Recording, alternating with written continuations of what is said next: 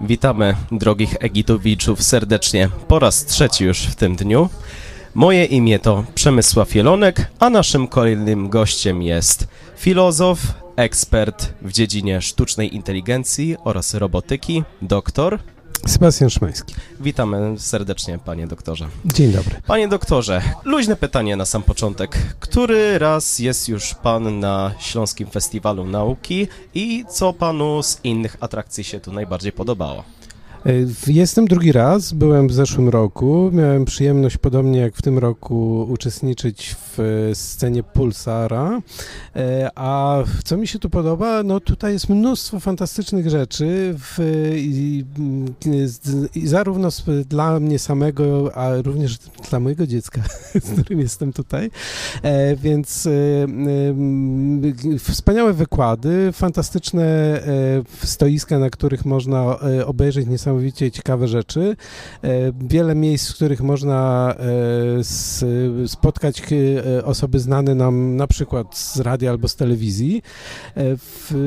Ogólnie rzecz biorąc, to jest takie miejsce, które poleciłbym każdemu. Mhm. E, jeżeli chodzi o sztuczną inteligencję, jak dobrze wiemy, w obecnych latach rozwinęła się ona na naprawdę wysokim poziomie.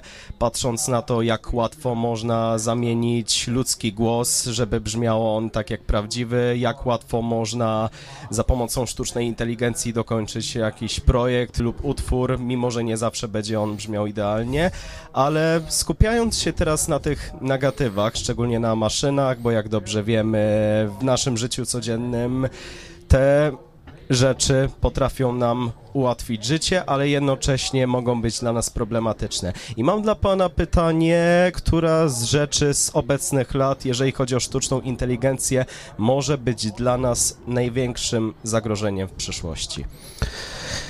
E, mam nadzieję, że żadna, tak zupełnie szczerze. Natomiast e, że, mm, rzeczywiście jest tak, że wiele z tych e, najnowszych rozwiązań bardzo szybko wzbudza właśnie tego rodzaju dyskusje. Tak? Znaczy my, natychmiast, kiedy pojawia się na przykład, nie wiem, nowy model językowy albo nowa jakaś sieć generatywna, na, za pomocą której możemy wytwarzać obrazy, to natychmiast pojawia się pytanie, a czym nam to grozi? Tak, tak jakby sam problemem była, był program komputerowy, ewentualnie maszyna, na którym ten program działa. Natomiast głównym problemem, y, czy główne zagrożenia, moim zdaniem, płyną ze strony tych, którzy tę technologię wytwarzają i którzy tę technologię wykorzystują. Tak? Dlatego, że no, powiedzmy tak, tak zwane wielkie modele językowe, no to może być bardzo przydatne narzędzie, że, które na przykład może e, zastąpić ludzi w generowaniu tekstów, których, na tworzenie których nie mamy ochoty, czasu, to jest nudne, powtarzalne i tak dalej, i tak dalej. No, yy, więc yy, w, natomiast można również ją wykorzystywać, te, te, tą technologię w no, niecnych celach, jak sam Pan wspomniał przed chwilą.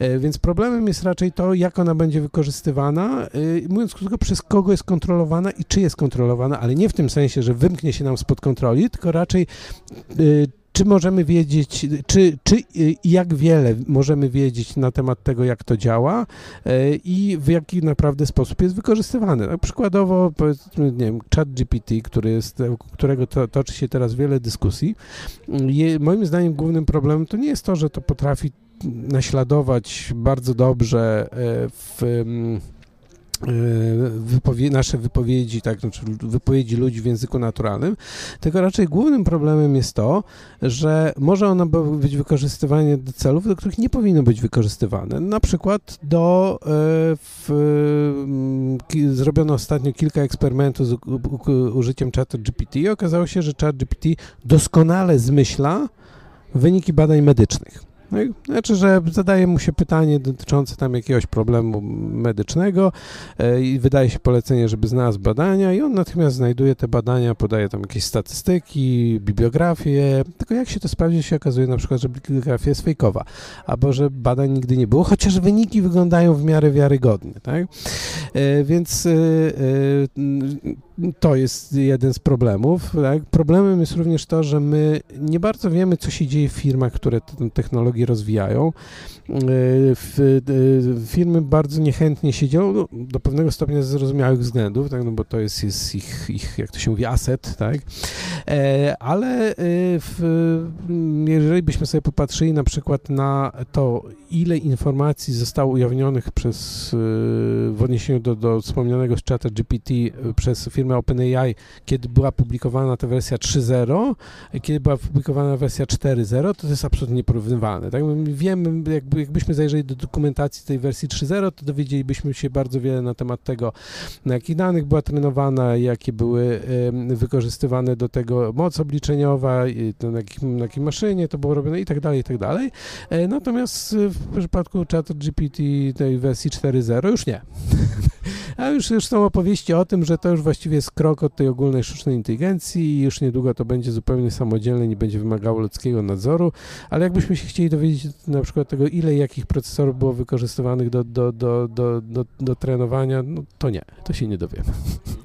Jak dobrze wiemy i jak też zostało to wcześniej wspomniane, sztuczna inteligencja w dzisiejszych czasach wykonuje z dużą łatwością wiele, wiele czynności w stopniu poprawnym, aczkolwiek nie jest to też zdecydowanie coś, co rzeczywiście mogłoby niektórym odpowiadać. Dlatego kolejne pytanie, czy według Pana prognoz w niedalekiej, czy też dalszej przyszłości sztuczna inteligencja osiągnie w pewien sposób perfekcyjność? No, ale to co rozumiem przez perfekcyjność? znaczy, bo e, jakby w, tak, no w tej chwili jest na przykład, nie wiem, wielkie modele językowe są w stanie generować wypowiedzi zasadniczo nieodróżnialne od wypowiedzi ludzi który w, w niektórych językach naturalnych, tak? Bo to oczywiście zależy od tego, na jakich korpusach są ćwiczone i e, nie wiem, jeżeli sobie weźmiemy wersję angielską, to ona dobrze działa, jak sobie weźmiemy na przykład, nie wiem, wersję w językach słowiańskich, to, to już ona działa trochę gorzej, a jak weźmiemy sobie w, w jakąś wersję, jeżeli ona w ogóle istnieje w języku, na którym jest w ogóle mało tekstów pisanych, to okazuje się, że ona w ogóle nie działa.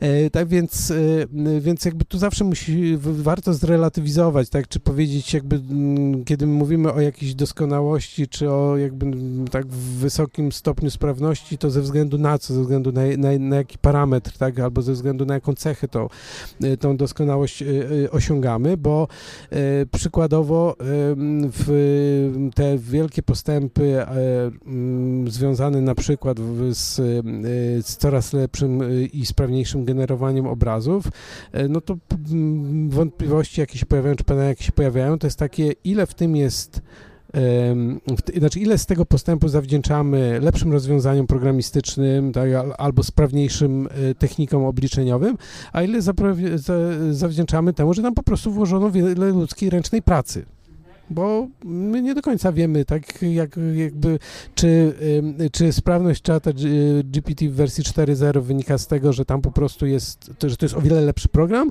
czy od tego, że po prostu ludzie bardzo dużo, dużo ręcznej pracy włożyli w to, do, dotrenowując, tak, czy, czy doszkalając ten model. Z tego co wiadomo, obecnie pan pracuje także nad książką dotyczącą etyki sztucznej inteligencji. Czy mógłby pan w stanie na antenie zdradzić choć trochę dokładnych szczegółów tego, co może się w tej książce znajdować? No to nie jest tajemnicą, bo e, to, co nazywamy etyką sztucznej inteligencji, no to jest, to jest taki dział e, e, etyki praktycznej, który już od, od dłuższego czasu się bardzo dynamicznie rozwija, a z tego względu, że roz, rozwój upowszechnienie tej technologii technologii poprowadzi do pojawienia się wielu kwestii, które są z etycznego punktu widzenia bardzo no, problematyczne, tak? Na przykład takich e, jakby e, czy i komu powinniśmy umożliwiać korzystanie z tego rodzaju narzędzi, tak? Czy na przykład to, że te komunikacja z takim, e, z takim czatem bardzo przypomina komunikację z innym człowiekiem, to czy dobrym pomysłem jest, żeby z tego korzystały osoby, które nie mają wystarczającego, że tak powiem, zdolności krytycznych do tego, żeby zorientować się, że tak naprawdę mm, wchodzą w interakcję z maszyną, a nie rozmawiają z żywym człowiekiem. Tak? To, to, jest, to jest jedna rzecz.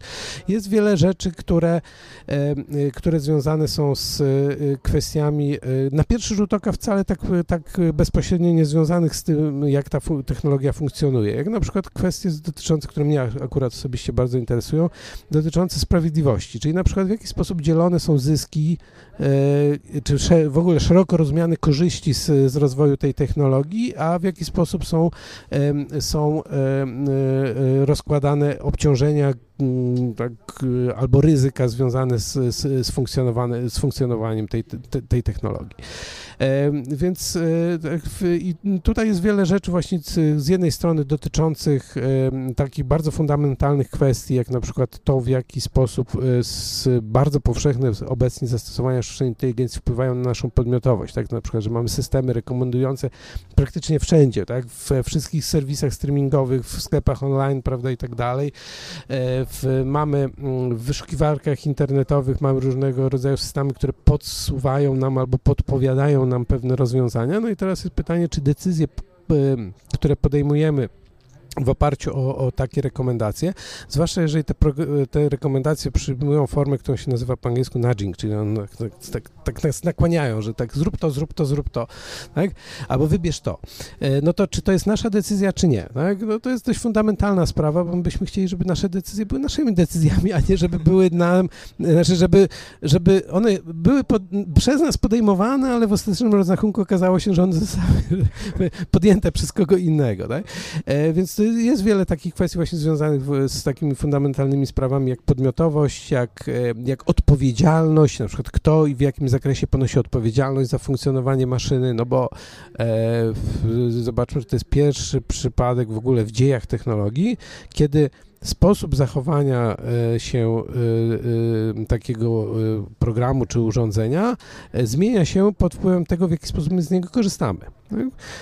To, to jest coś, czego nie było wcześniej. Tak? Wcześniej urządzenie działało zasadniczo tak, jak zaprojektował je producent. My mogliśmy je co najwyżej użyć w niewłaściwy sposób albo w niewłaściwym celu. Tak? Natomiast teraz jest tak, że na przykład, nie wiem, system rekomendujący rekomenduje coś dla nas, dla mnie konkretnie, tak analizując moje zachowania, tak, czyli tworząc jakiś mój profil, porównując go z profilami, e, w, które wcześniej o, opracowane na, na, na podstawie danych zebranych z różnych źródeł. E, No więc, e, tak, więc po raz pierwszy mamy do czynienia z sytuacją, w której to, teoretycznie użytkownik może przynajmniej w jakimś zakresie ponosić odpowiedzialność za to, jak działa maszyna, której on nie stworzył. Bardzo często nie wie, jak ona tak naprawdę działa, tak, co tam w środku siedzi, jak ten program jest skonstruowany i tak dalej. Tak? E, bardzo wiele kwestii związanych jest, y, takich etycznych, związanych z problemem przejrzystości. Tak? To znaczy, y, kto i w jakim zakresie powinien mieć możliwość wglądu w to, na przykład jak te systemy działają.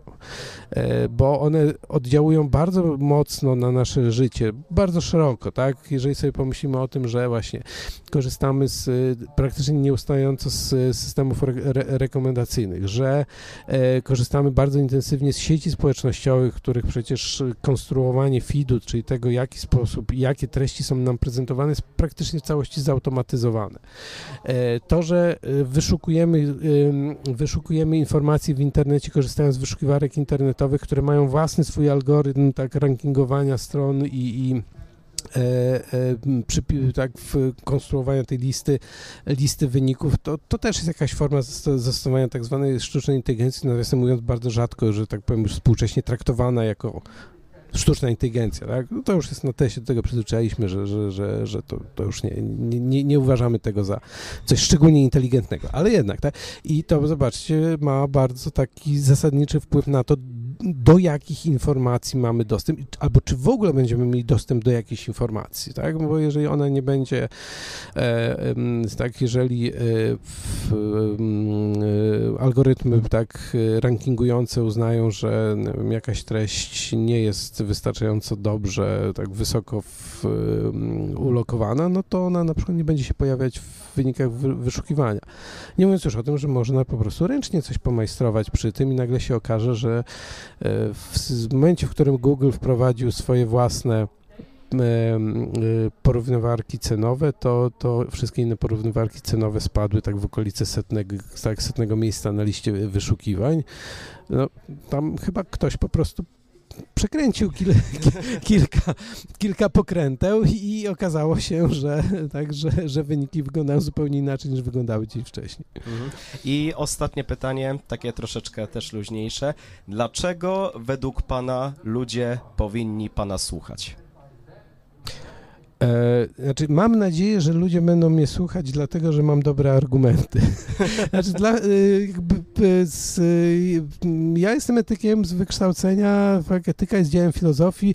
Filozofia jest bardzo specyficzną formą aktywności intelektualnej. My, w przeciwieństwie do, do, do takich prawdziwych naukowców, nie mamy laboratoriów, w których moglibyśmy przeprowadzić badanie i sprawdzić, czy nasza hipoteza jest trafna, czy nie. Tak, jedyne, co mamy do zaoferowania, to spójne i dobre argumenty, więc mam nadzieję, że jeżeli kogoś przekonałem, to właśnie dzięki temu, a nie, nie dzięki innym Jasne. Dziękujemy bardzo. To dla Was przed odbiornikami ponownie był. Sebastian Szymański. Dziękujemy serdecznie.